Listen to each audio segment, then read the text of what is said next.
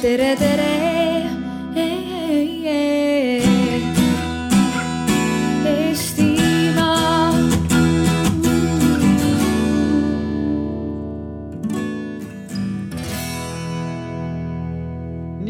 Aga ma arvan, et me võime vaikselt alustada.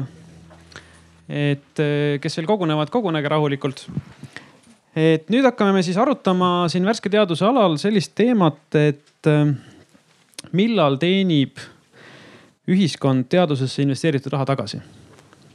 ja ennem kui ma annan meile mingiteks avasõnadeks või noh, ütleme avastatement iteks sõna, räägib meile, kuna see on selle värske teaduse formaat, räägib meile oma hiljutisest kaitstud teadustööst, kaitsmisele tulevast, okei okay,, siis võib juhtuda, et me veel lükkame su tulemused ümber.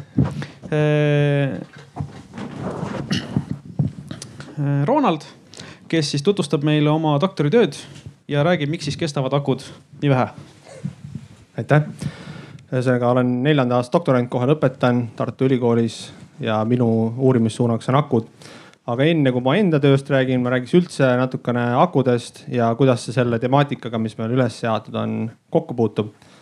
et kõik me kasutame, ma usun enamjaolt nutitelefone või mingisuguseid nutiseadmeid, laptop'e, mis jooksevad, mis töötavad siis liitiumioonakude puhul, mõned mehed sõidavad meil ka liitiumioonakudega ringi ja see probleem on selles mõttes aktuaalne, et kes mäletab, on kasutanud võib-olla kahe tuhandendate alguses telefone, mis nagu nädal aega töötasid ühe laadimisega, siis nüüd nagu praktiliselt iga päev peab juhe taga olema.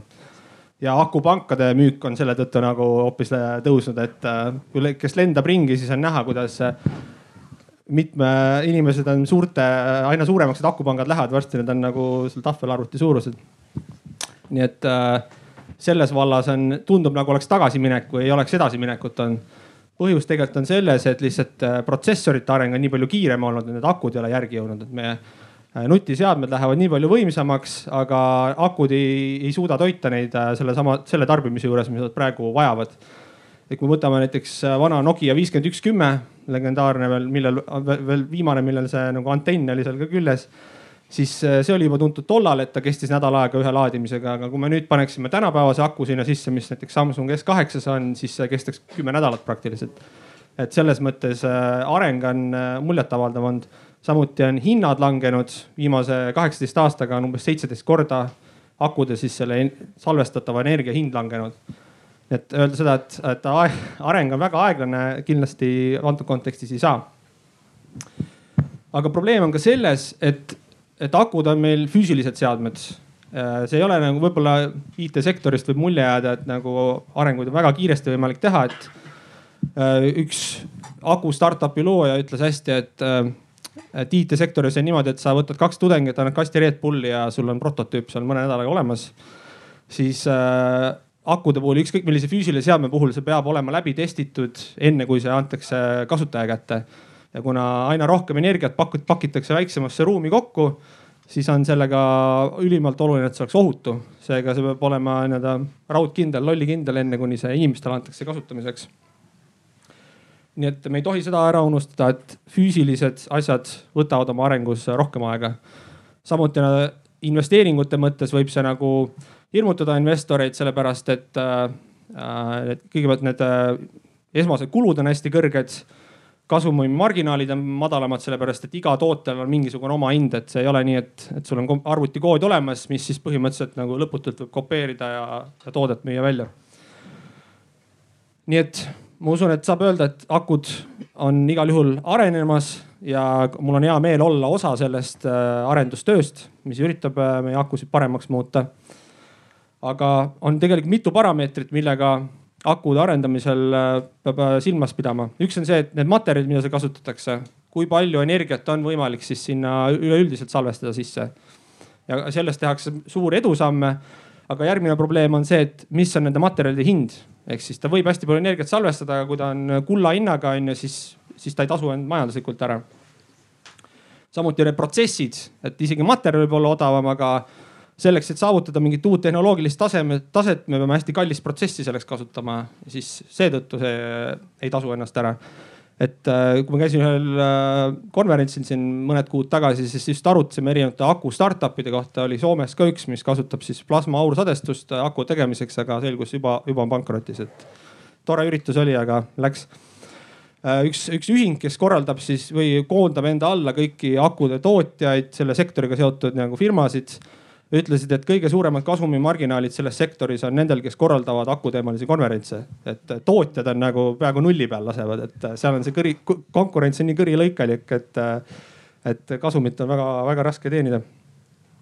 samuti, kui me arendame akut, siis meil on oluline eluiga. see materjal võib olla lühiajaliselt väga hea, palju energiat salvestada, aga see protsess käib meeletu kaoga on väga ebastabiilne materjal ja seetõttu laguneb ära, nii et jälle uus häda siis ohutus muidugi, inimesed kasutavad siin e-sigarettidega on olnud probleeme, kus inimestel on väiksed akuelemendid taskus, mündid ka samal ajal, need lähevad lühisesse, siis läheb kogu asi põlema, nii et terve reis põleb selle äh, vedela elektrolüüdiga ära. oli üks äh, põnev video sellest kuskilt äh, poest, kus siis kellelgi läks see taskus põlema ja samuti keskkonnasõbralikkust ei saa unustada. materjalid jälle heade omadustega olla, aga kui nad on ohtlikud inimestele või siis pärast keskkonnale, kui nad sinna satuvad, siis on järjekordne häda.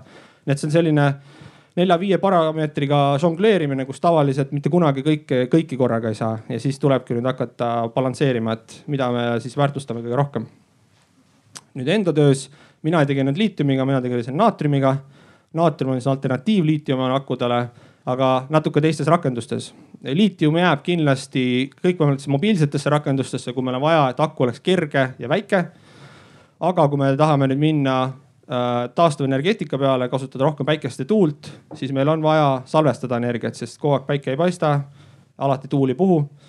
seetõttu on salvestusmahtu vaja suurendada, aga selle jaoks läheb meil vaja hiiglaslikke akuparke ja nüüd, et kasutada selleks äh, liitiumit ja ka koobaltit, mis on liitiumiakkudes äh, endiselt väga oluline element siis meil lihtsalt tulevikus äh, ei pruugi neid piisavalt jätkuda või siis nende hind maailmaturul hakkab äh, meeletult kõikuma. koobaltiga on üks omaette lugu, et kõige põhilisem eksportija on Kongo ja seal on päris palju inimõiguslikke probleeme sellega, et äh, seal kasutatakse lapstööjõudu selle hankimiseks. kaevurid töötavad käsitsi täiesti ebainimlikes tingimustes. nii et ütleme, kui me hoolime inimestest kuskil teisel kontinendil, mingis teises riigis, siis me peaksime niisuguste asjade peale ka mõtlema mina oma töös tegelesin siis ühte tüüpi materjali uurimisega. probleem on selles, et põhimõtteliselt liitium ja naatrium on üsna sarnased. Äh, need põhikontseptsioon, põhiaku idee on, on sama, aga me ei saa päris samu materjale kasutada. ja kõige suurem probleem tekibki selle miinuselektroodiga. Äh, liitiumiakus on selleks grafiit, seesama materjal, mida pliiatsi südameks kasutatakse. töötab väga hästi, väga korrapärane, hea uurida. aga naatriumioone me sinna sisse ei saa panna ja seetõttu ongi vaja leida materjale, mis on vähe korrapäratuma struktuuriga. selleks kasutatakse kõige paremini, kõige odavamad materjalid selleks on erinev biomass, äh, puulehed, mingid taimevarred. tehtud on banaanikoortest, pähklikoortest. Äh, oma tudengitega töötame turba kallal, mis on meile üks äh, leidav ressurss, mu tudeng on ka siin, nii et saate pärast rääkida temaga turbast. nii et ütleme, palju erinevaid allikaid on mina kasutasin glükoosi, viinamarjasuhkur majanduslikus plaanis pigem glükoosi ei paneks hiljem akudesse, sellepärast et me võtame nagu toidu laualt ära põhimõtteliselt, aga see on uurimiseks äärmiselt hea materjal, et meil on puhas kristallaine, me lahustame ta ära ja siis me söestame ta, saame söö, söömaterjali ja siis me saame seda hakata uurima. aga nüüd on järgmine probleem jälle. probleem on selles, et ta on nii korrapäratu, et ükskõik mis meetodiga seda uurid, mis iganes kiirgust sa sinna peale lased, see signaal tuleb sama segane nagu kui see materjal. seega, et otsustada mis selle materjali juures aitab sul kõige paremini salvestada, on jälle probleem nagu. nii et seetõttu me peame jälle žongleerima siin erinevate efektidega, otsima ideaalset nii-öelda kuldset keskteed.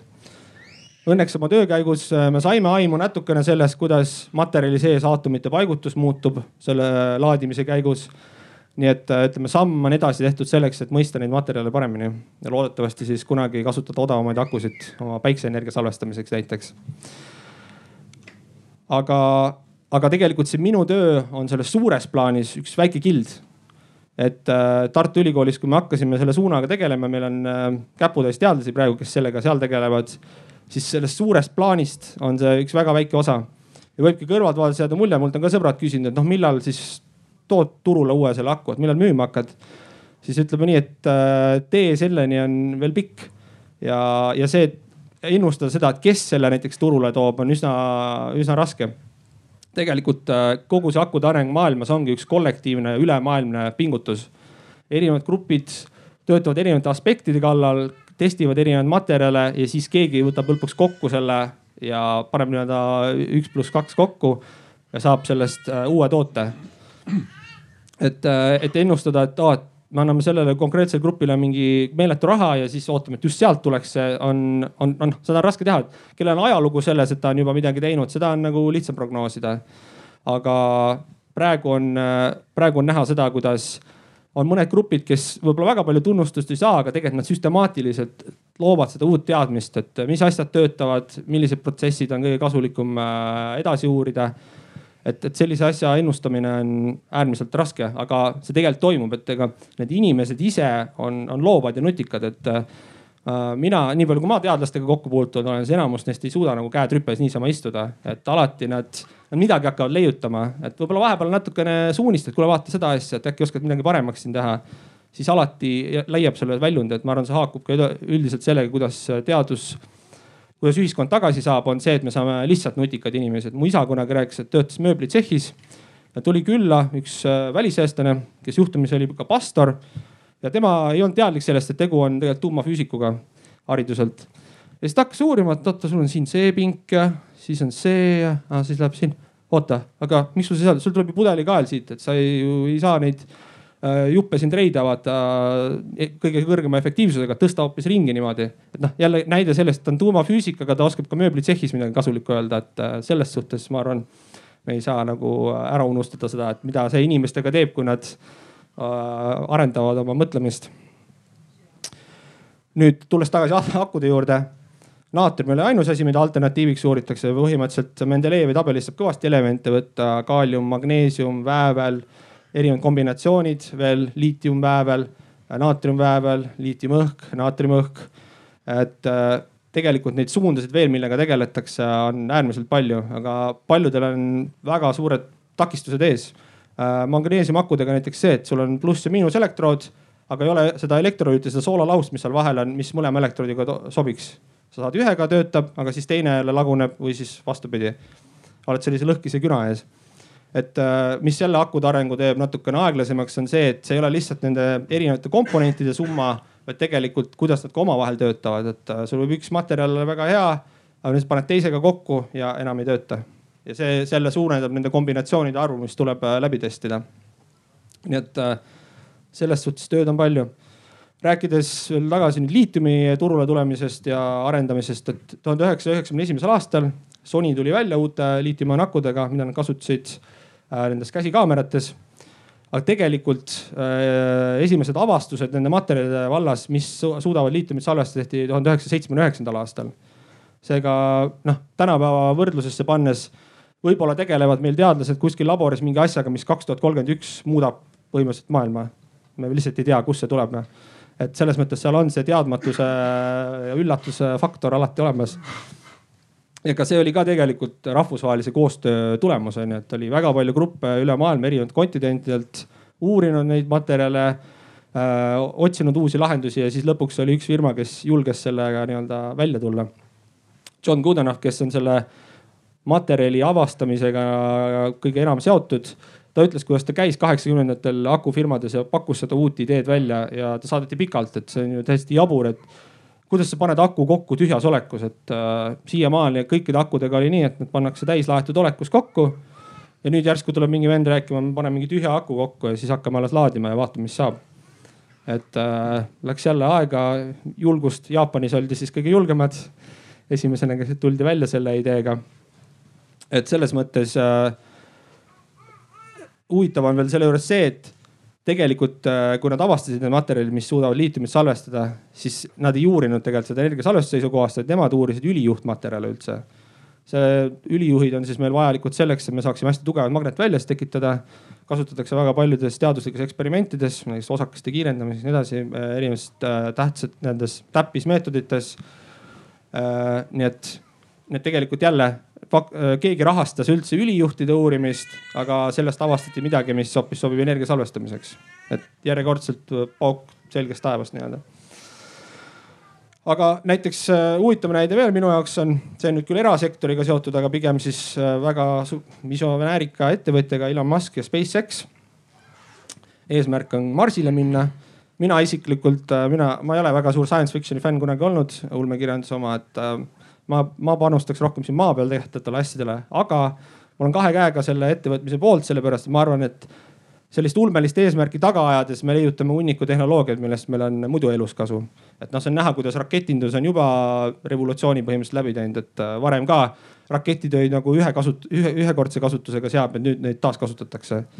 et järjekordne nagu paradigma muutus on toimunud ja ja kui me nüüd võtame appi astrobioloogid, üritame mõelda, kuidas me seda Marsi teeme elamiskõlbulikuks, hakkame läbi mõtlema üleüldse mingeid elualuseid, mis meil siin maal võib-olla on iseenesestmõistetavad olnud. kui sa pead hakkama konstrueerima, see on nagu põhimõtteliselt võib-olla see on isegi sarnane nagu üldiselt haridusega, et sulle õpetatakse mingi kontseptsioon ära, aga siis, kui su ülesanne on lahendada mingi probleem sellega, siis sa tegelikult õpid selle kohta kõige rohkem nagu, kui sa pead loovalt lähenema mingisuguse probleemi lahendamisele. et õppisid Pythagorase teoreemi ja siis nüüd isa ehitab mingisugust äh, kuuri onju ja siis hakkad mõtlema, mis pikkusega need äh, lauad peavad seal olema, mis pikkusega sarikad peavad olema, et see katus nagu ära ühendaks onju. et noh, siis on tegelikult see, kus sellest teooriast hakkab nagu kõige rohkem äh, kasu olema. tänapäeval või ütleme Eestis on meil praegu rõhk läinud hästi palju selle peale, et oleks ettevõtete ja teadlaste vahel koostööd ja siit nüüd tulebki küsimus, et kuigi rakendusuuringutel on alati ruumi ja rakendusuuringud äh, on kõik noh, ütleme need, mis on kõige lähemal siis äh, ühiskonnale kasu saamiseks, siis tegelikult väga radikaalselt uusi lahendusi tuleb tihtipeale fundamentaaluuringutes, kus inimesed uudishimust uurivad mingisugust nähtust ja neil on mingi teatav loom, loominguline vabadus selles, et, äh, et äh, tegeleda sellega vähe pikemalt ja, ja minna süvitsi, et ja et mõista neid protsesse.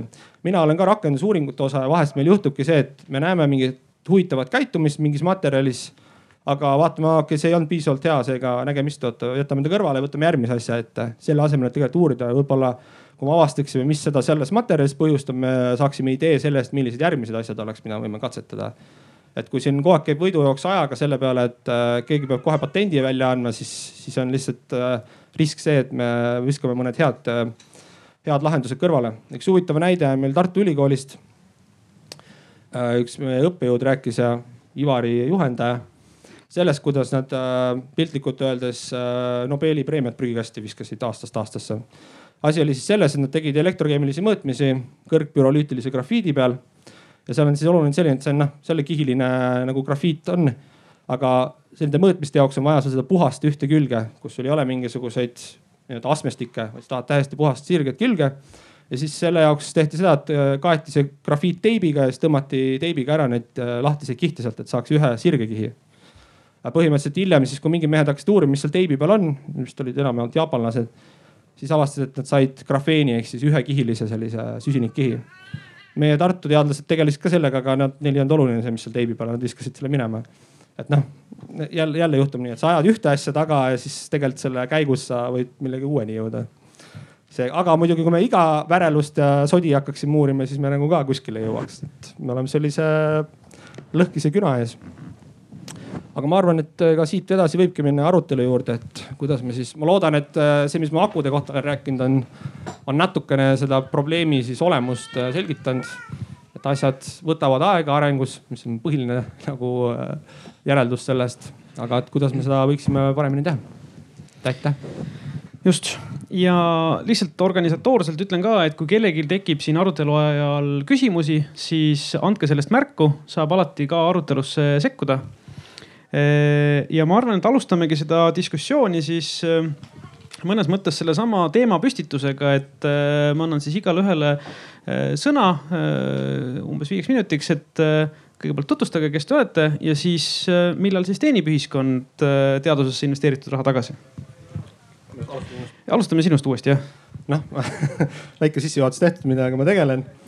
ühesõnaga nagu ma natuke juba rääkisin ka, siis minu nägemus on ikkagi see, et me peame sellele rahastusele natuke statistilisemalt lähenema. ehk siis me nagu, nagu talupojatarkus ütleb, ära pane kõiki mune ühte korvi, et sama kehtib ka teadusega, me peamegi järjepidevalt rahastama erinevaid suundasid, sest me ei tea, kellelt see pauk tuleb. see asi ei ole ainult selles, et kas mingi tehnoloogia on perspektiivikas, asi on ka selles, mis inimesed sellega tegelevad. mõni vend, noh vabandust väljendist, suudab sitast saia teha, et noh, sa paned ükskõik millega tegelema ja ta, ta, ta tuleb sealt millegi uuega välja. ja mõnel inimesel võib olla maailmaklassiline probleem ees, aga no ei tule noh, et inimeste võimekused ja rääkimata organisatoorsetest oskustest, inimestevahelistest suhetest, kõik need pehmed oskused ka, mis võib-olla teaduses vahest ära ununevad. Need kõik ka määravad ja tegelikult selle tulemuse ära. et äh, jah, mis ma kas, kas ma räägin veel midagi selle kohta, oma, oma tausta kohta? pigem just, et noh, et mis sa arvad, et ka, millal siis teenib ühiskond seda reaalselt tagasi teenib üldse või? minu, minu, ei teeni, ma usun, et teenib et äh, need, ütleme neid faktoreid, mismoodi ühiskond teenib tagasi, on mitmeid. ma arvan, et on mingid otsesed faktorid. näiteks äh, see, et reaalne, sa rahastad mingit teadustööd mõnes Eesti laboris ja teadlased tulevad sealt välja tehnoloogiaga, mille nad patenteerivad. ja noh, see võib olla nii, et siis seda litsenseeritakse välja, ülejäänud äh, ettevõtted maksavad selle eest, nad kasutavad seda võib see ka nii olla, et sealt kasvab välja spin-off ettevõte ehk siis need teadlased ise hakkavad reaalselt ettevõttega tegelema. ja ja, ja niimoodi võidab see ühiskond, noh siis me räägime juba sellest, et on, äh, makstakse makse, meelitatakse kvalifitseeritud tööjõudu.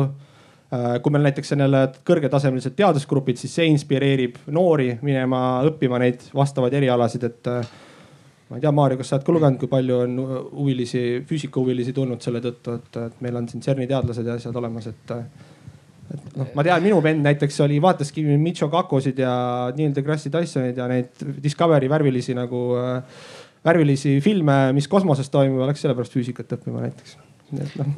ei, see on, ma arvan, et see on selles mõttes point, et meil on vaja neid äh, teatud temaatilisi superstaare äh, või, või valdkondi, mis äh, tõmbavad noored mingisse teemasse, kas nad pärast selle konkreetse asjaga tegelevad, see on juba see on juba nagu eraldi teema, et jah, neid, neid superstaar teemasid on ka vaja igas valdkonnas selleks, et asi edasi käiks. ma arvan, et siit, siit tuleb kohe haakubki, on teaduse populariseerimine, mis on äh, järjekordne asi, et lihtsalt inimesed peavad teadma, mis toimub, et kui see kõik toimub kuskil suletud uste taga, siis lihtsalt ei, ei teagi, millega tegeletakse, et selle tõttu tuleb äh, vaeva näha, ma üritan oma panust teha, et ma loodan, et ma täna midagi selgitasin akkude kohta, mis nagu pani mõne tulukese põlema kellelegi äkki.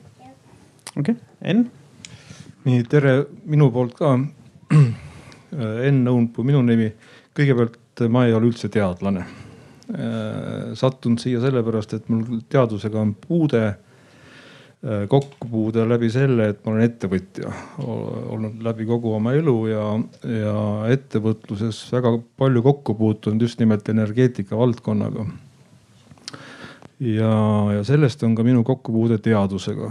Ehk äh, sellest on nüüd ligi kakskümmend aastat tagasi, kui ma hakkasin äh, ettevõtjana vaatama energeetikas äh, uusi võimalusi, et millised võiks olla tulevikus äh, globaalselt energia muundamises uued lahendused. et mis oleksid efektiivsed ja samas ka keskkonnasõbralikud või säästaksid meie ressurssi. Äh, ressursi säästmise all ma pean silmas seda, et me peame kasutama hästi mõistlikult ju kõike seda loodusvara, mis meil on äh, või, või siis ütleme bioressurssi, mis meil on. Äh, ja see tähendab seda, et kõik need energia muundamise tehnoloogiad peavad olema hästi kõrge kasuteguriga ja efektiivsed nüüd äh, selgeks sai mulle kui ettevõtjale see, et elektrokeemilised muundamise protsessid selle asemel, et põletada ja, ja, ja teha mehaanilist tööd elektri tootmisel on tunduvalt efektiivsemad. ja, ja sain ma teada siis juba ka seda, et tegelikult Eestis nimelt Tartu Ülikoolis sada kolmkümmend aastat tagasi juba selle valdkonnaga tegeleti ja ainukene Eestiga seotud nobelist Wilhelm Ostwald, kes õppis Tartu Ülikoolis, sai oma doktorikraadi seal ja oli ka õppejõud mõned aastad, on siis tegelikult tänapäevase elektrokeemia isa nii-öelda. ja tema juba üle saja kolmekümne aasta tagasi ütles, et kütuseelement on selline tehnoloogia, mis tegelikult kogu Siemensi auruturbiini üsna pea prügimäele saadab.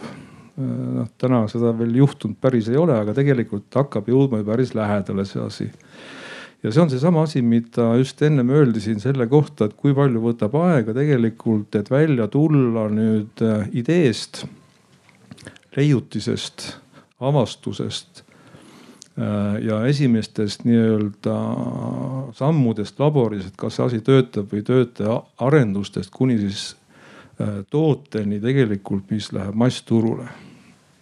See on aastakümneid alati liitiumioonakku on nüüd üle kolmekümne aasta vana, eks ole. ja viis aastat tagasi võib öelda, et hakkas võidukäik tegelikult, kus see hind läks alla ja me saime tegelikult äh, selle kasu.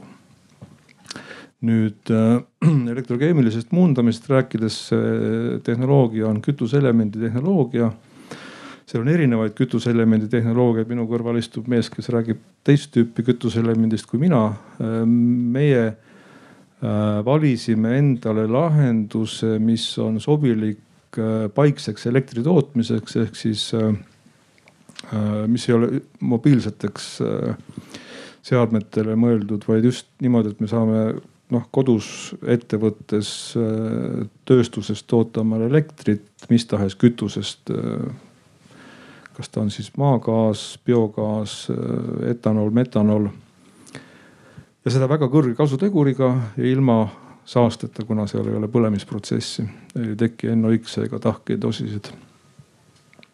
ja, ja ma nägin sellest võimalust äh, tulla välja tootena mingil aja jooksul ja, ja võtsin selle riski, leidsin omale sõpru, kes olid nõus investeerima minu kõrval.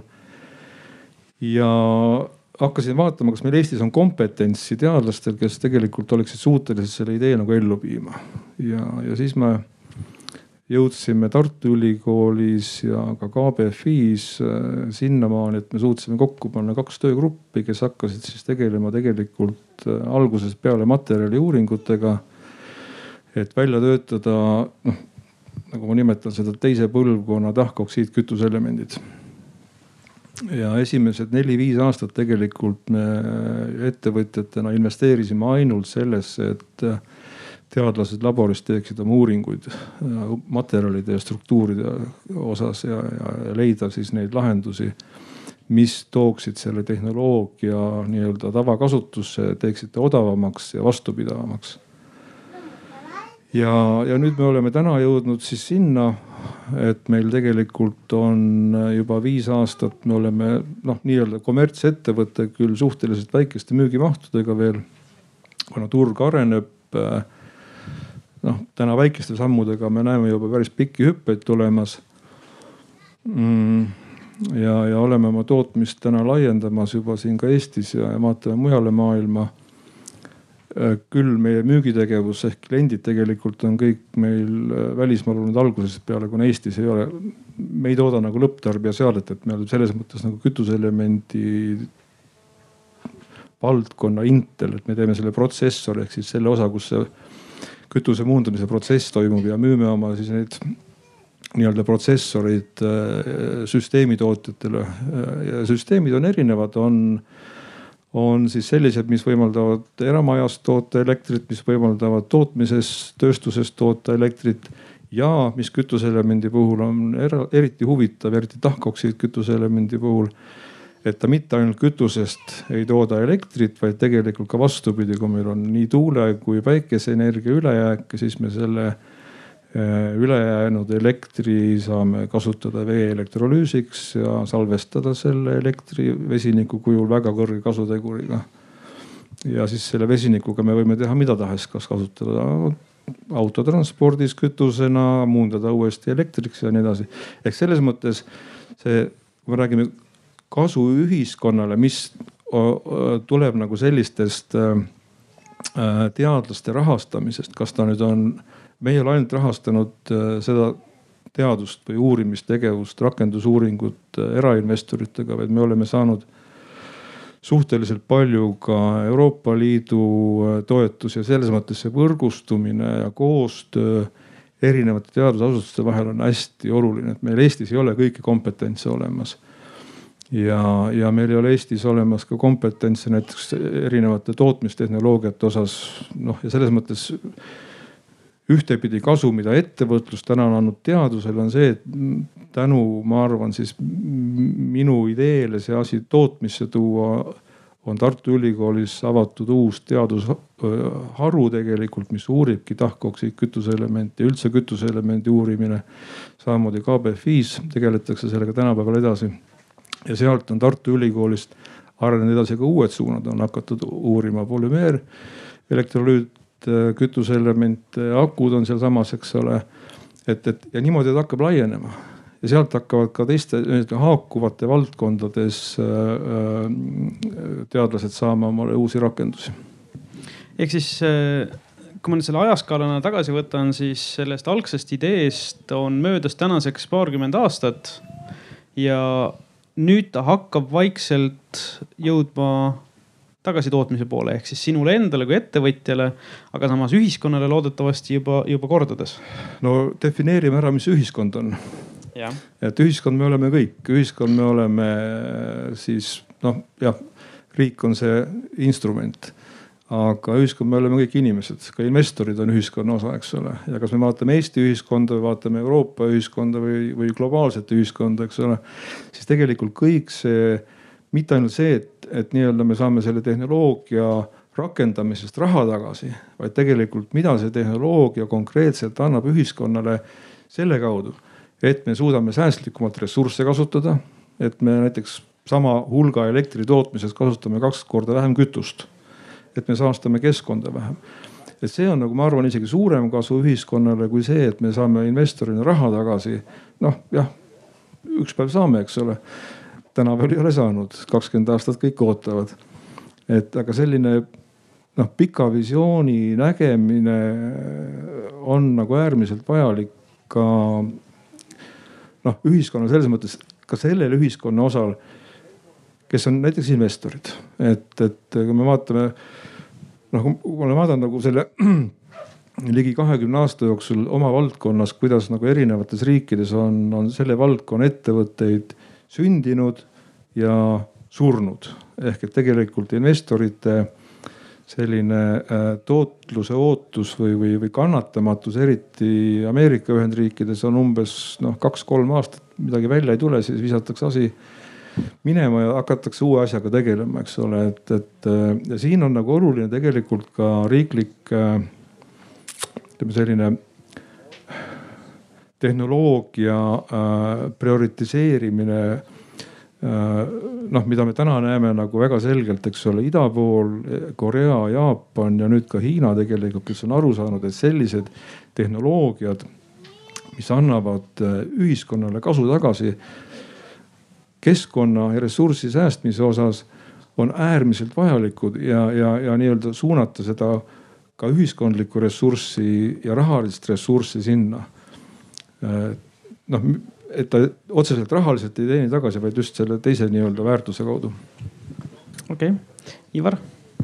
nii, mina olen Ivar Kruusenberg äh, ja, ja mina tegelikult esindan äh, nii seda teaduse poolt kui ka ettevõtluse poolt, sellepärast et ma igapäevaselt olen tegev kui vanemteadur Keemilise Bioloogilise Füüsika Instituudis vedades seal erinevaid äh, teadusprojekte, mis on seotud nii äh, kütuselementidega, madalatemperatuursete kütuselementide katalüsaatormaterjalid, üleüldse kütuselementide arendamine erinevate, erinevatest aspektidest bipolaarsed plaadid, stack'ide kokkupanek ja nii edasi ja nii edasi. pluss siis me oleme võtnud sellise tänuväärse töö ette, et me üritame liitiumioon akusid ka, ka utiliseerida, sellepärast et äh, mis praegu kõige suurem probleem on, on just see, et kus kohta need kasutatud akud tegelikult panna. sest et äh, nii nagu Roland, Roland ütles, et seal on äh, väga palju väga mürgist osa, mis ei tohiks sattuda loodusesse ja praegu ei osata sellega nagu midagi suurt peale hakata.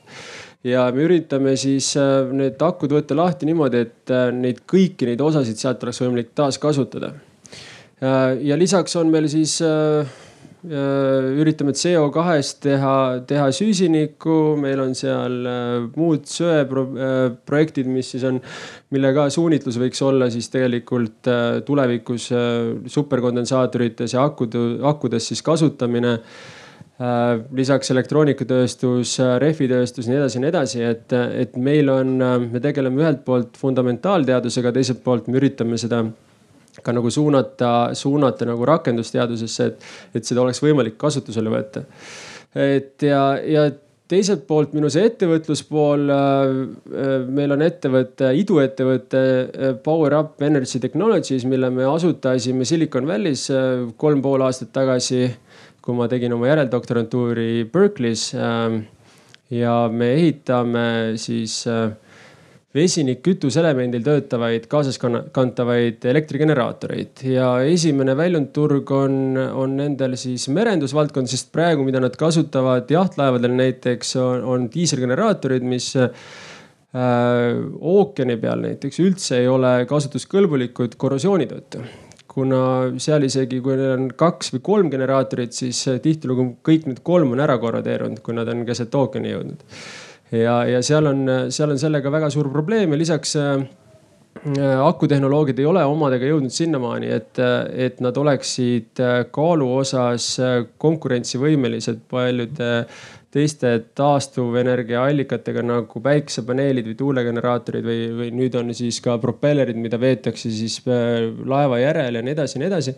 et, et ka akutehnoloogiad ei ole hetkel seal väga nagu kasutajasõbralikud ja seetõttu nagu meie toode sobitub ideaalselt sinna turunissi ja me saame mujal ka kasutada seda militaarotstarbel, matkaautodes ja nii edasi ja nii edasi, et, et selline nagu huvitav huvitav ja väga innovaatiline äh, toode ja, ja see ettevõtlus nagu kogemus aitab mul nüüd ühelt poolt nagu teadlasena pisut nagu fokusseerida oma teadustööd nii, et see nagu tegelikult ühiskonnale annaks ka mingisuguse reaalse kasu tagasi, et ei ole lihtsalt mingi publikatsiooni kirjutamine, mis on tegelikult väga oluline.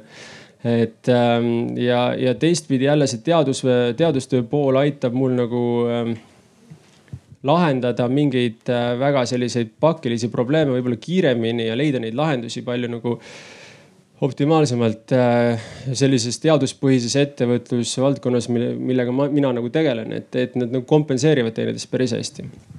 siis äh, see on see, mille, millest, millega ma tegelen, aga tulles selle temaatika juurde, et kui, millal ühiskond sellest teadusest nagu kasu võiks saada, siis ma arvan, et tegelikult äh, äh, seda peaks tegelikult vaatama palju nagu laiaplaanilisemalt, mitte see, et kas me saame sealt laborist midagi kätte, vaid, vaid Silicon Valley on üks nagu kõige parem näide sellest, kuidas nagu teadus saab äh, ettevõtlust toita, et äh, miks Silicon Valley asub seal San Francisco ümbruses, äh, Palo Altos ja tegelikult kogu selles nii-öelda lahes opis, sest et sinna kuuluvad ka Oakland, Richmond, San Francisco ja nii edasi et, äh, et see on just tänu ülikoolidele ja tänu sellele teadusele, mis nad seal teevad, seal on Berkeley ülikool, seal on Stanford, äh, seda ökosüsteemi toidab ka San Francisco ülikool ja, ja ülikoolid, mis on kõik seal nagu ümber ja, ja väiksemad ülikoolid, mis on ka linnas sees. Et äh, tänu sellele on võime, nad on seal nendel ettevõtetel ja iduettevõtetel just on nagu võimekus äh, läbi viia mingeid väga innovaatilisi projekte väga kiiresti ja mis kõige olulisem, neil on tegelikult võimalik äh, omale tööjõudu sealt väga lihtsalt leida sest need ülikoolid toodavad meeletus koguses äh, väga kõrgelt haritud, äh, kompetentseid inimesi. ja need samamoodi, see ettevõtlus ja, ja see teadus on seal väga hästi nagu balansseeritud, sellepärast et need tudengid on juba tavaliselt esimesest kursusest saadik nende ettevõtete juures praktikal, et nad, et ka nad näevad, kuidas nagu päriselus asjad käivad et, et selles mõttes äh, ühiskond tegelikult teaduses saab igapäevaselt äh, väga palju juurde inimtööjõu mõttes, äh, teadmiste mõttes ja, ja, ja noh, ma arvan, et jah, siis tuleb muidugi see, seesama, millest siin juba eelkõnelejad rääkisid, et, et see tehnoloogia, mida me igapäevaselt kasutame, et, et see ei ole see, mida me praegu kohe momentaalselt näeme, võib-olla see tuleb kahekümne, kolmekümne aasta pärast, aga, aga see teenib, see, mida tehakse ülikoolides, teenib tegelikult pidevalt ühiskonna huvesid. seda ei näe silmaga koheselt, aga, aga see nii on. no sa mainid seda Silicon Valley piirkonda, mis on sinu hinnangul see protsent nende ülikoolide läbijatest, kes jätkavad akadeemilisel teel ja paljud lähevad erasektorisse? No ma arvan, et äh, akadeemilisel teel võib-olla sealt äh, kümme, kümme, kakskümmend protsenti.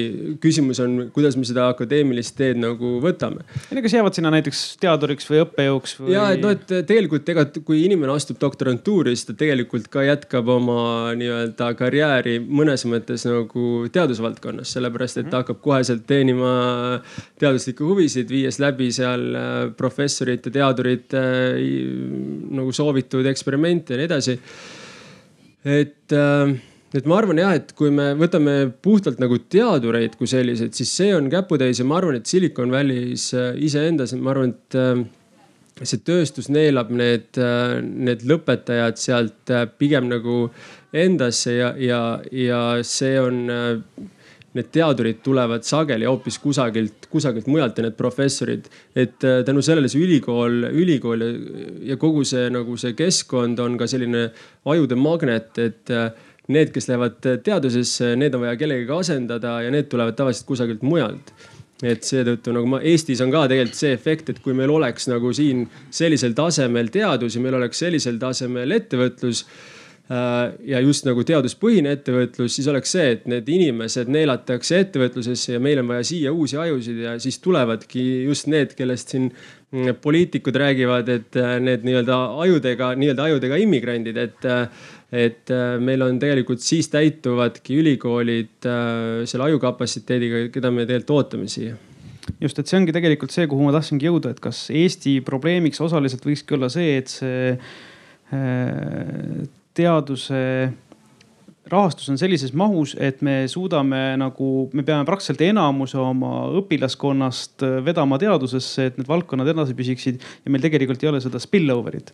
et tegelikult me peaksime üritama koolitada võib-olla välja kümme korda rohkem inimesi kõrghariduses, et see jõuaks ühiskonda läbi siis inimsiirde mitte nii väga võib-olla punnitama luues äh, rakendusuuringute keskuseid ja grant'e, kuidas äh, ettevõtted ja teadlased omavahel koostööd rohkem teeksid, vaid lastagi neid inimesi rohkem sinna. mis on arvamused? mul ongi mulje jäänud natukene, et Eestis praegu üritatakse nagu paari panna seda ettevõtet, ettevõtjat ja teadlast mingitel juhtudel, kus nad tihtipeale ei taha või nad ei mõista üksteist ja nad võib-olla isegi ei ole huvitatud et, äh, et pigem peaks see näide olema see, et meil on nii kõrge tasemel teadus, et noh, sa ettevõttena siis mõtled, et kuskohast ma võiks nõu saada ja sa noh, ma ei tea, kui ma paneks end olukorda, et ma olengi seal äh, San Francisco kandis kuskil ja mul on niisugune keeruline probleem ettevõttes, siis ma arvan, et no ma arvan, enamus ettevõtjad on sellist meelt, et kui sa lähed Stanfordi, siis sa saad sealt kvaliteetset nõu nagu, et sa ei pea, sind ei pea keegi, meelitama mingi rahaga, et näe, nüüd sa saad maksutagastust või midagi, kui sa lähed ja räägid nende tüüpidega, et nad lihtsalt lähevad sinna, kuna seal on ajud kõik koos. et ma, huvitav asi, ma tähele panin, on Quora on selline platvorm, kus siis küsitakse küsimusi, inimesed vastavad seal oli üks äh, tudeng, kes siis ütles, et ta, tal on dilemma, et ta ei tea, mida valida, et ta sai Stanfordi arvutiteaduste doktorantuuri sisse, aga samas sai ka Google'isse tööle, et noh mida teha, et no oleks vot selliseid valikuid kõigil, et, et on, et on äh, nii raske valida, et äh, millise, et noh, selles mõttes, et see arvutiteaduse programm on seal üks, mis võib öelda, et üks maailma kõige kõrgemal tasemel. Et, et inimestel on sellised valikud, aga see on jälle selle tõttu, et see on selline ajude magnet on ju see koht. no ettevõtjana täiesti kindlalt võin väita, ma arvan, see on enamus ettevõtjate seisukoht, et ettevõtjad ja teadlast ei saa vägisi paari panna, see peab olema nagu vajaduspõhine. kas ühelt poolt või teiselt poolt, eks ole, et, et äh, kui ettevõtjal on probleem, mis vajab lahendamist, siis ta leiab kompetentsi ja on nõus selle eest maksma päris, päris hästi. Äh, tore oleks, kui sinna saaks mingisuguse ma ei tea, rahastamise kõrvale ka veel, eks ole, saab võib-olla rohkem ära teha ja teadlane saab rohkem ka noh tööd, eks ole, ja raha aga, ja, ka teistpidi, eks ole, kui teadlasel on hea idee, siis tegelikult ega ilma selle äh, noh, lihtsalt ideed nagu kusagile ettevõtluse sisse suruda, ilma et sellel oleks nagu turupotentsiaali. kohest on väga raske, et, et, et, et noh, ettevõtja peab aru saama, eks ole, kas selle nii-öelda teadlase ideel on või, või kui pikk on see perspektiiv ja, ja millised on edasiarendamise võimalused ja, ja noh, nagu see hea näide oleks, oli selle liitiumioonakku kolmekümne aastase ajaloo tagant, eks ole, et mehel oli hea idee, aga suur osa firmasid saatsid selle, eks ole, kuu peale, aga, aga noh, jaapanlased korjasid ülesse. Et, et, et see on ka ettevõtja nii-öelda nägemus sellest, et, et noh, kas kohe või millal ja palju on mu kannatlikkus, eks ole, et, et see idee nagu ellu viia ja kas üldse on see võimalik teha. et selles mõttes ma arvan, et jah, sellised nii-öelda mingisuguste nagu süsteemide loomine, kus vägisi üritatakse panna ettevõtlust ja teadust nagu paari, et, et noh, vaatame, kes meil siin on ja kes võiksid koostööd teha, see on selline noh, ma ei tea vägisi kosjamoori mängimine, et ei, ei tule sellest midagi, see peab olema vajaduspõhine. no mina arvan, et seal tegelikult on, on nagu mitu aspekti. kolm põhilist, esiteks on see, et ettevõtjate jaoks on, Eesti ettevõtjate jaoks kahjuks on, on praegu situatsioon selline, et, et doktorikraadiga inimene on ülekvalifitseeritud et äh, siis tema palgaootus äh, on, on pisut kõrgem, kui on, on võib-olla seal. vaidlen kohe vastu. ja, ja ei, selles mõttes, inimene, kes tuleb kindlasti ülikoolist, äh, teile teadmiseks, et ta saab ka Eesti keskmist või alla keskmise palga, et selles mõttes, kui, kui ettevõtja, ta ilmselt, kui ta ettevõtlusesse siirdub, siis ta on juba õnnelik et aga see ettevõtjatel on see nagu eos on selline nagu eeldus sageli, et, et, et kui on nagu kõrgelt kvalifitseeritud, mis nagu kindlasti mingi, mingis nagu aspektis vastab tõele et, et noh, et siis ei võeta tööle, pluss on see inimene on üpriski, kui ta on oma doktorantuuri lõpetanud, ta vanus on selline, et ta on suhteliselt isemõtlev, et, et sageli mingites töökohtades kindlasti võib see osutuda takistuseks ja, ja, ja võib-olla seal on ka mingisugune äh, selline mingi, ma, ise arvan, et võib-olla mingi kompleksi aspekt või kes seda teab, aga, aga sageli on see, et äh, haritud, kõrgelt haritud doktorikraadiga inimestel on tööstuses raske, tänu, äh, raske leida, raskem leida töökohta, et see on, see on üks asi mis nagu näiteks äh, Saksamaa, mis, mis peaks meile tegelikult olema selline nagu edunäide, seal pigem on nagu soositud see, et, et inimesel äh, mingil hetkel on kõige kõrgem äh, nii-öelda kraad või kvalifikatsioon, et soositakse isegi seda, et ta läheb pärast mingid aastad tööd äh, ettevõtluses või tööstuses, et ta läheb ennast edasi harima ja, ja tuleb tagasi selle doktorikraadiga et sest, et juhtivpositsioonid äh, üldiselt näevad ette, et sul ikkagi peab olema kõrgem kvalifikatsioon, kõrgem haridus et see on üks, üks aspekt, mis, mida ma olen Eestis palju näinud, et, et noh, tööd on inimesel, kellel on doktorikraad, on raske tööd leida. rääkimata teadlasest. teine asi, mis on, on kindlasti nagu see, et et Eesti teadlased on kuritarvitanud Eesti investorite ja, ja, ja tööstuse ja ettevõtjate usaldust seeläbi, et ongi, et ei mõelda seda nagu oma tegemist ja seda, mis sealt nagu välja tuleb teadusest, ei mõelda mitte kui mingit müügiobjekti ja ettevõtjat ei mõelda kui head koostööpartnerit, kes aitab selle nagu toote, mida sa oled tegelikult juba nagu tootena nagu peaksid olema välja arendanud, aitab selle turule viia.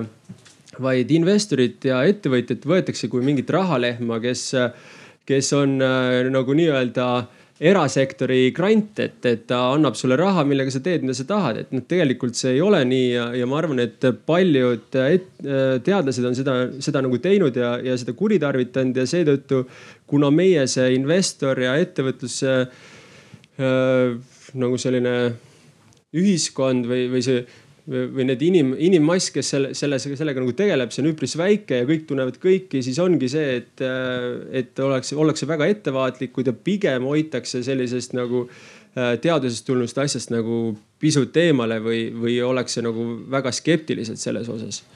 et, et ma arvan, et seal on need äh, kaks nagu põhiiva, miks, äh, miks meil selline asi hetkel on, nagu meil on. ja riiklik rahastus muidugi ka, et see on, see on üks asi kaks kommentaari võib-olla selle kohta, et sa ütlesid, et, et ettevõtjad või tihti kardavad nagu tööle võtta noh, sellist doktorikraadiga inimest, kes iseseisvalt mõtleb, eks ole. et siis sellega seoses mul tuli meelde üks hea ütlemine, vist, vist oli Steve Jobsi mingisugune äh,. et kus ta ütles, et me ei võta tarku inimesi tööle mitte sellepärast, et hakata neile ütlema, mida nad tegema peavad, vaid me ootame, et nad ütlevad meile, kuidas tuleb asju teha. ja see on tegelikult hea juhi tunnusmärk, et ta, ta tegelikult otsibki neid tarku, kes õpetavad kuidas tuleb asju teha ja, ja, kui, ja kui niimoodi meeskond komplekteerida, siis on ka edu garanteeritud.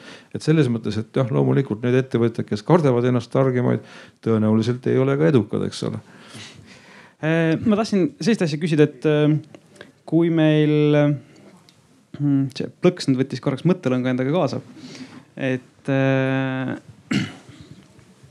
kas võib olla meil natukene sellest nagu ajaskaalades tekkinud ka äh, selline lahknemine, et Eesti selliseks edulooks loetakse meil seda eh, IT-riigildust ja, ja seda IT-sektori kiiret startup'i kultuuri ja, ja arenemist, kus meil tegelikult eeldatakse üldjuhul, et eh, firmad arenevad, kasvavad, jõuavad toodeteni, turunduseni ja suurte investeeringuteni noh, sihuke ühe käe peal kokku loetavate aastate jooksul. ja see on tegelikult natukene nagu ametkonna muutnud äh, arvamusele, et, et äh, tulemused peavadki tulema sellise paari aastaga ja kiirelt ja võimsalt ja globaalselt.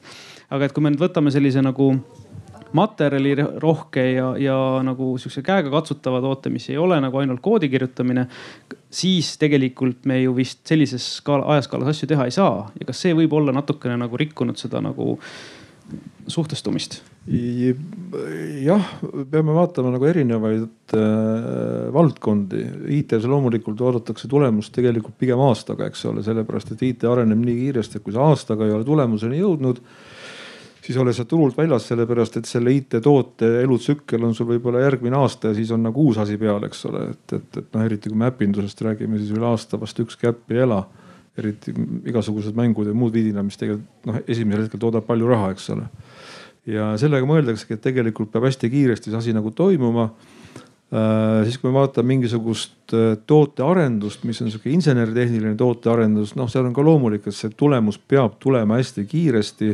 seal on vaja palju ressurssi kaasata ja see tulemus igal juhul tuleb äh,. aga kui me räägime nagu sellisest äh, äh arendustegevusest, mis on seotud kas siis nüüd materjaliteadusega või, või noh, kus läheb otsapidi tegelikult ka siis sinna baasteaduse otsa sisse see asi.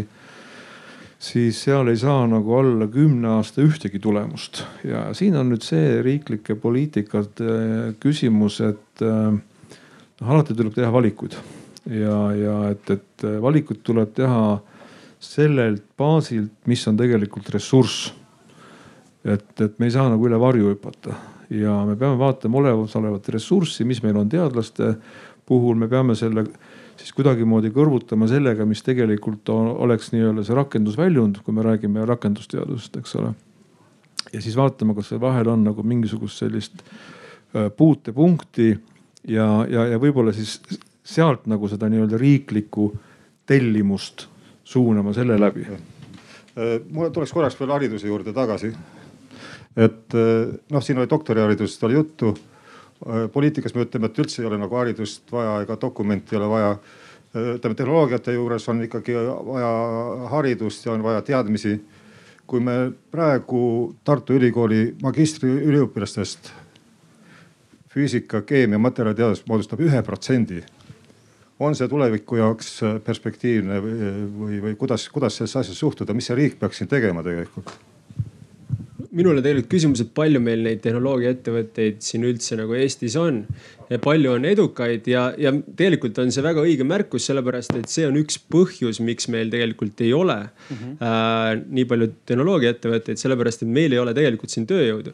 kui mina otsin elektriinseneri juba aasta aega ja ei ole leidnud Eestist elektriinseneri ja ma praegu hakkasin otsima Saksamaalt ja Hollandist ja tundub, et ma leian selle inimese pigem Hollandist kui Eestist kuigi meie kontor ja meie töö, tööpind ja kõik asub TTÜ kõrval ja me sisuliselt äh, skaudime iga nädal, et kas keegi on vabanenud, meil ei ole neid inimesi, meil, ei ole neid võtta, et see on see põhjus, miks meil tegelikult äh, miks meil ei ole neid ettevõtteid ja, ja, ja see on selline muna, muna ja kana, kana nagu praegu olukord.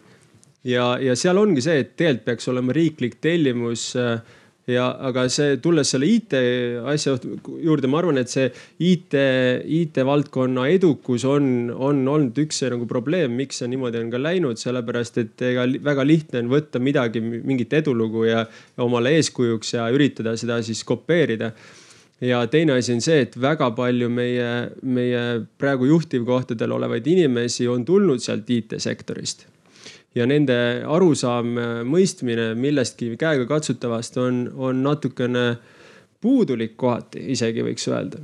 ja, ja lisaks on ka see, et investorid on, meil on käputäis investoreid, kes on äh, tegelenud millegagi, mis on nagu käegakatsutav asi et meil puudub ka seal nagu äh, see kompetents ja need inimesed on sageli, keda kutsutakse ministeeriumitesse nõu andma. ja see ongi, see viib nagu selle lõpuks selle, sellesama riikliku tellimuseni see üks protsent äh, see viib selleni omakorda, et meil on käputäis tehnoloogiaettevõtteid, kes siin on ja needki kolivad ära, sest Skeleton Technologies, kes, kes oli üks suurimaid selliseid materjali, materjalitehnoloogia ettevõtteid, on kolinud praeguseks Saksamaale Äh, ja, ja ma, kui meil sama situatsioon jätkub, siis ma ei näe, et isegi meie ettevõtte, iduettevõtte PowerUp, kui see peaks nüüd kasvama, et meil oleks võimalik siin jätkata oma tootmist, sest meil ei ole lihtsalt inimtööjõudu. Ja, ja see ongi see nii-öelda, et tegelikult see riiklik tellimus, äh, mida peaks hakkama nagu praegu suunama just nagu materjalitehnoloogiasse, keemiasse, füüsikasse. Äh, ja inimesed peavad aru saama, et et füüsika tänapäeval ei ole nagu, IT ei ole ainult nagu see nii-öelda kodeerimine arvutis, vaid äh, väga palju IT-lahendusi on, on sellised materiaalsed, me räägime hardware'ist siin, äh, et äh, tegelikult me vajame ka seda kompetentsi, et ja mida meil hetkel ei ole, et see on see robootikaõpe. et mida TTÜ-s tehakse, aga jällegi inimesi on käputäis jah, ma tahtsingi siin küsida, mainida, et võib-olla on, on aspekt ka selles, et Eestis on äh, traditsiooniliselt majandusse panust tulnud enamuses äh, kas loodusressurssidest või turismist või sellistest asjadest. ja meil tegelikult seda suure lisandväärtusega tööstust on noh, väga-väga vähe ja, ja seetõttu ka võib-olla pole see olnud nii vägavõrd prioriteet ja see, me oleme muidugi selles mõttes taandunud selles diskussioonis väga selle otsese tagasitoomise juurde ühiskonnale teadusest investeeringutest et äh, ma arvan, et äh, käsitleme seda veel nüüd sihukese ühe aspektina, et kas see majandusliku struktuuri struktuurne muutumine võiks olla see nagu äh, eesmärk, et me peamegi tegelikult sellisest ressursirohkest keskkonna efektiivselt noh metsamüügist minema üle nagu korraliku väärtuspõhise pakkumiseni, mille noh, tegelikult ekstreemnäiteks on IT, mis on enamuses uus lisandväärtus, mitte nii väga ressursimüük et see, see vahepealne osa on meil nagu mõnes mõttes katmata, et kas seda peaks nagu rohkem prioritiseerima ja siis pärast seda võtaks selle muud ühiskondlikud tagasitoomised. no iga lisandväärtuse juurdeandmine eeldab seda, et sul on teadmist mm. -hmm. et ja, ja mida, mida rohkem lisandväärtust sa tahad juurde anda, seda targem sa pead olema. ja, ja siin tulebki nagu see küsimus, et jah, me võime soovida seda lisandväärtust juurde anda, aga kui meil puudub selleks piisav kompetents või ütleme, see kompetents on olemas, aga ta on piiratud kompetents, eks ole, siis me paljudes äh, valdkondades seda lisaväärtuse juurdeandmist lihtsalt ei ole meil võimalik teha. aga tulles sinu mure juurde tagasi, et meil ei ole tööjõudu, jah, see selles mõttes on õige. ja see on ka nagu selle kompetentsi küsimus, eks ole, et kust saada omal kompetentset inseneri või, või, või teadlast ettevõttesse või, või et, et meil ei ole ülikoolis nagu pidevalt või piisavalt, eks ole, reaalteaduse valdkonnas äh, lõpetajaid, kes läheksid siis ettevõtlusse oma panust andma. siis äh, eelmine keskustelu, mis oli enne siin, ma kuulasin seda ka põgusalt, seda lõpuosa ja seal äh, räägiti ka teaduse rahastamisest ja sellest, et mis juhtub, kui teadust üldse mitte rahastada, et, et noh, siis juhtub see, et teadlast läheb minema lihtsalt kõik Eestist ja on täitsa loomulik, et inimesed lähevad sinna, kus nendel on tööd ja kus on huvitav. teadlast huvitab see, kus on nendel huvitav tööd teha, isegi mitte see, et nad raha saavad. jah, loomulikult see on ka vahend, eks ole, aga, aga huvi peab olema ja, ja, ja koht, kus teha seda, oma huvi rakendada. nüüd aga tegelikult on ka vastupidi, et maailm on täna nii väike ja rääkimata Euroopast, eks ole, et see on nii väike, et kui me tegelikult ettevõtjana suudame Eestis äh,. Eesti on hea koht ettevõtluseks tegelikult vähemalt siiamaani olnud, loodame, et jääb ka edaspidi.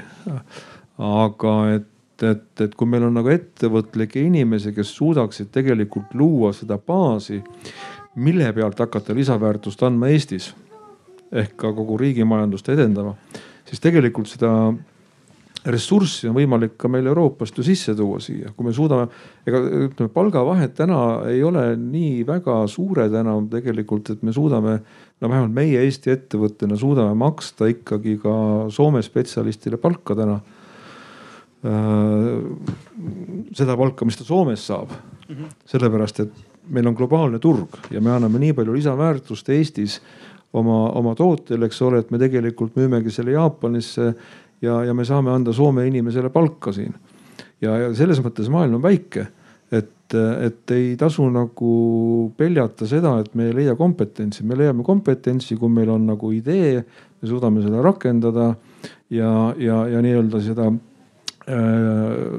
võimalikult kõrge lisaväärtuse juurde andmiseks tuua Eestisse ka hästi, ütleme siis suure teadmiste pagasi ja kogemusega inimesi juurde, mis omakorda jälle rikastab meie ühiskonda. mina tahaks tegelikult rääkida teile ühe loo nagu sellest, kuidas vaadata asja suurema, laiema nagu laiema pildiga et mis ma arvan, meil on Eestis väga suur probleem ongi, et fokusseeritakse mingile kindlale asjale, vaadatakse asju väga kitsalt et äh, miks Rootsi on nii edukas, nagu ta on äh,. ja miks see, miks see riik on nii rikas, on see, et seal asju vaadatakse väga laia pildiga ja, ja üks asi toidab momentaanselt teist.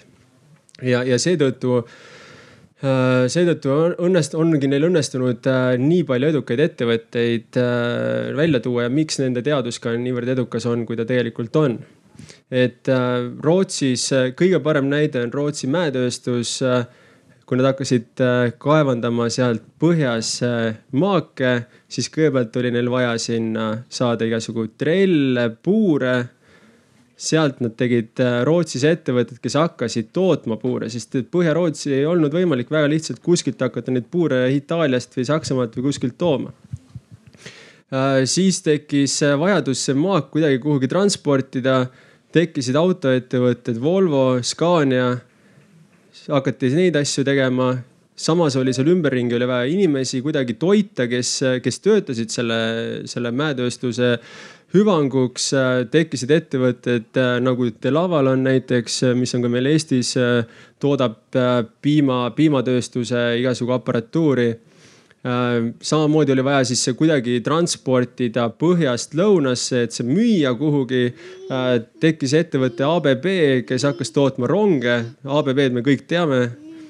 ja nii edasi ja nii edasi, et tegelikult see üks äh, nii-öelda seeme tegelikult toidab teist.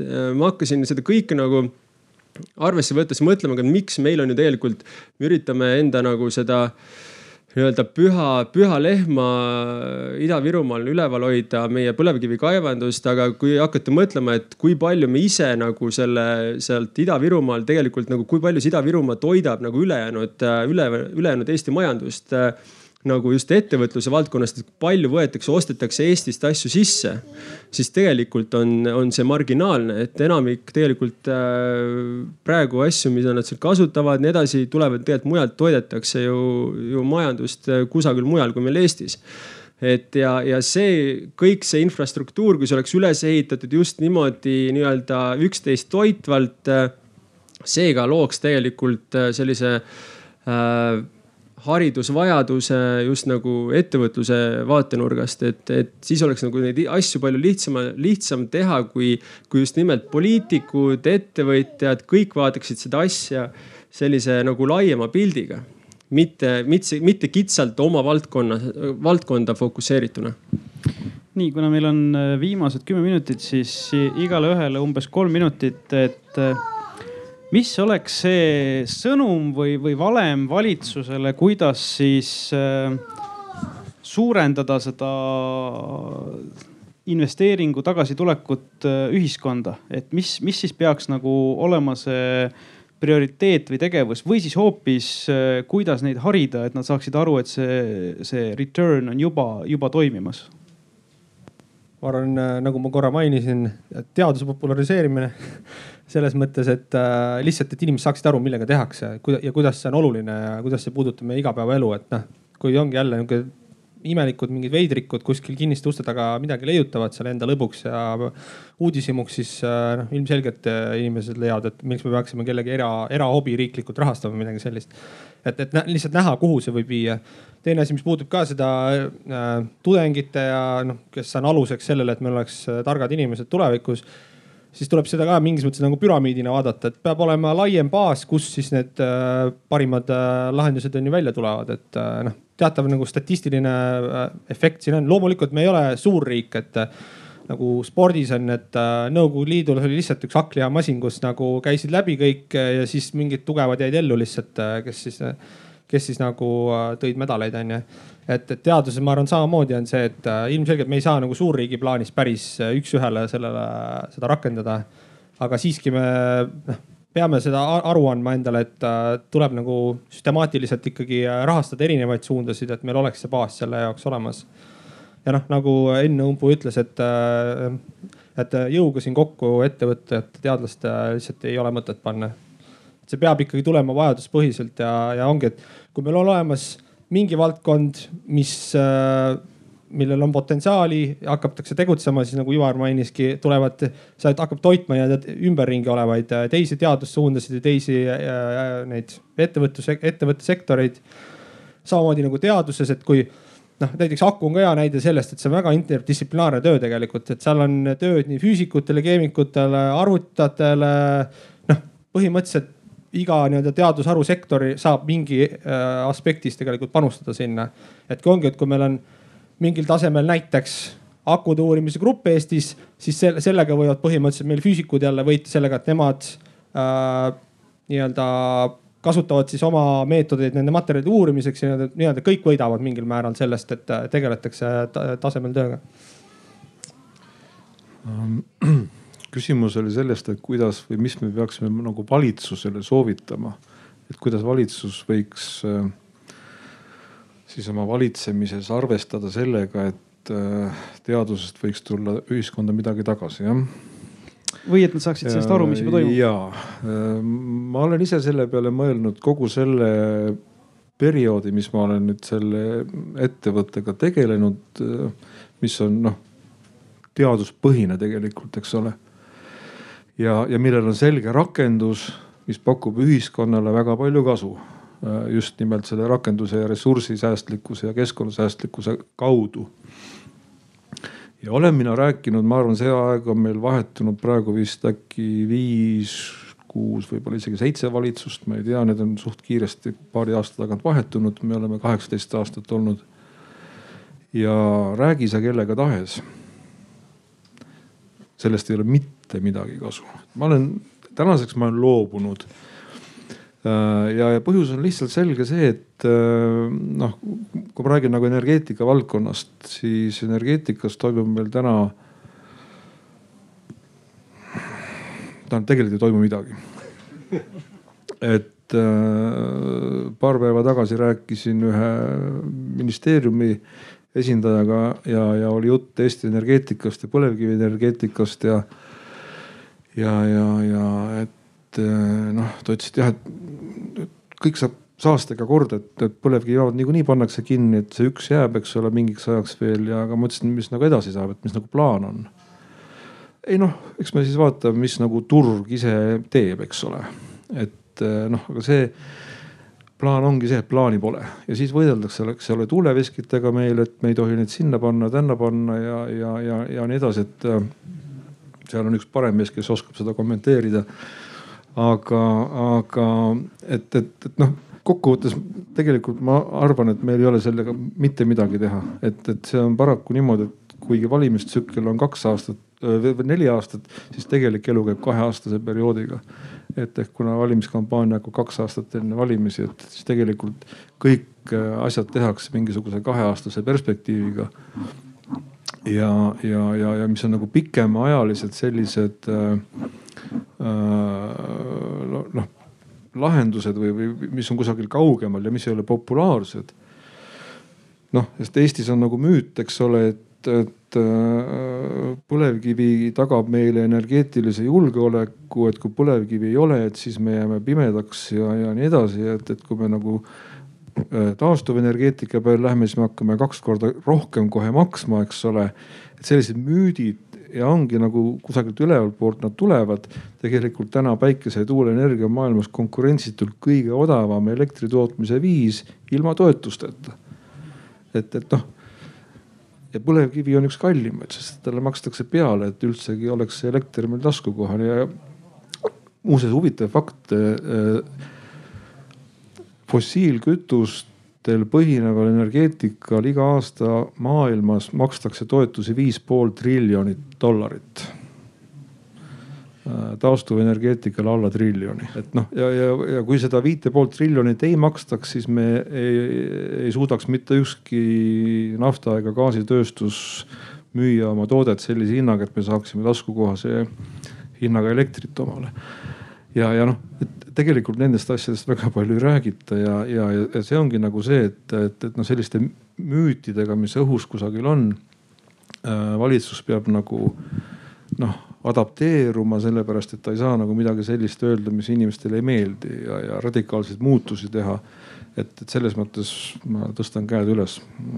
ei oska midagi öelda rohkem mina ütleks esiteks, et meil oleks vaja rohkem haritud poliitikuid, et võib-olla kui rohkem ülikoolis aega veedaks ja võib-olla ka välismaal käiks, võib-olla siis äh, oleks silmaring veidi laiem äh,. siis äh, teine asi, ma lööks äh, palli jõhkralt äh, ettevõtjate äh, väravasse, et teie olete ju need, kes enne valimisi nendele poliitikutele maksate, et kui teie ju tegelikult tellite selle muusika, et tellige see muusika siis selline, et oleks nagu, kõlaks paremini, siis ja kolmas asi on see teadusrahastus.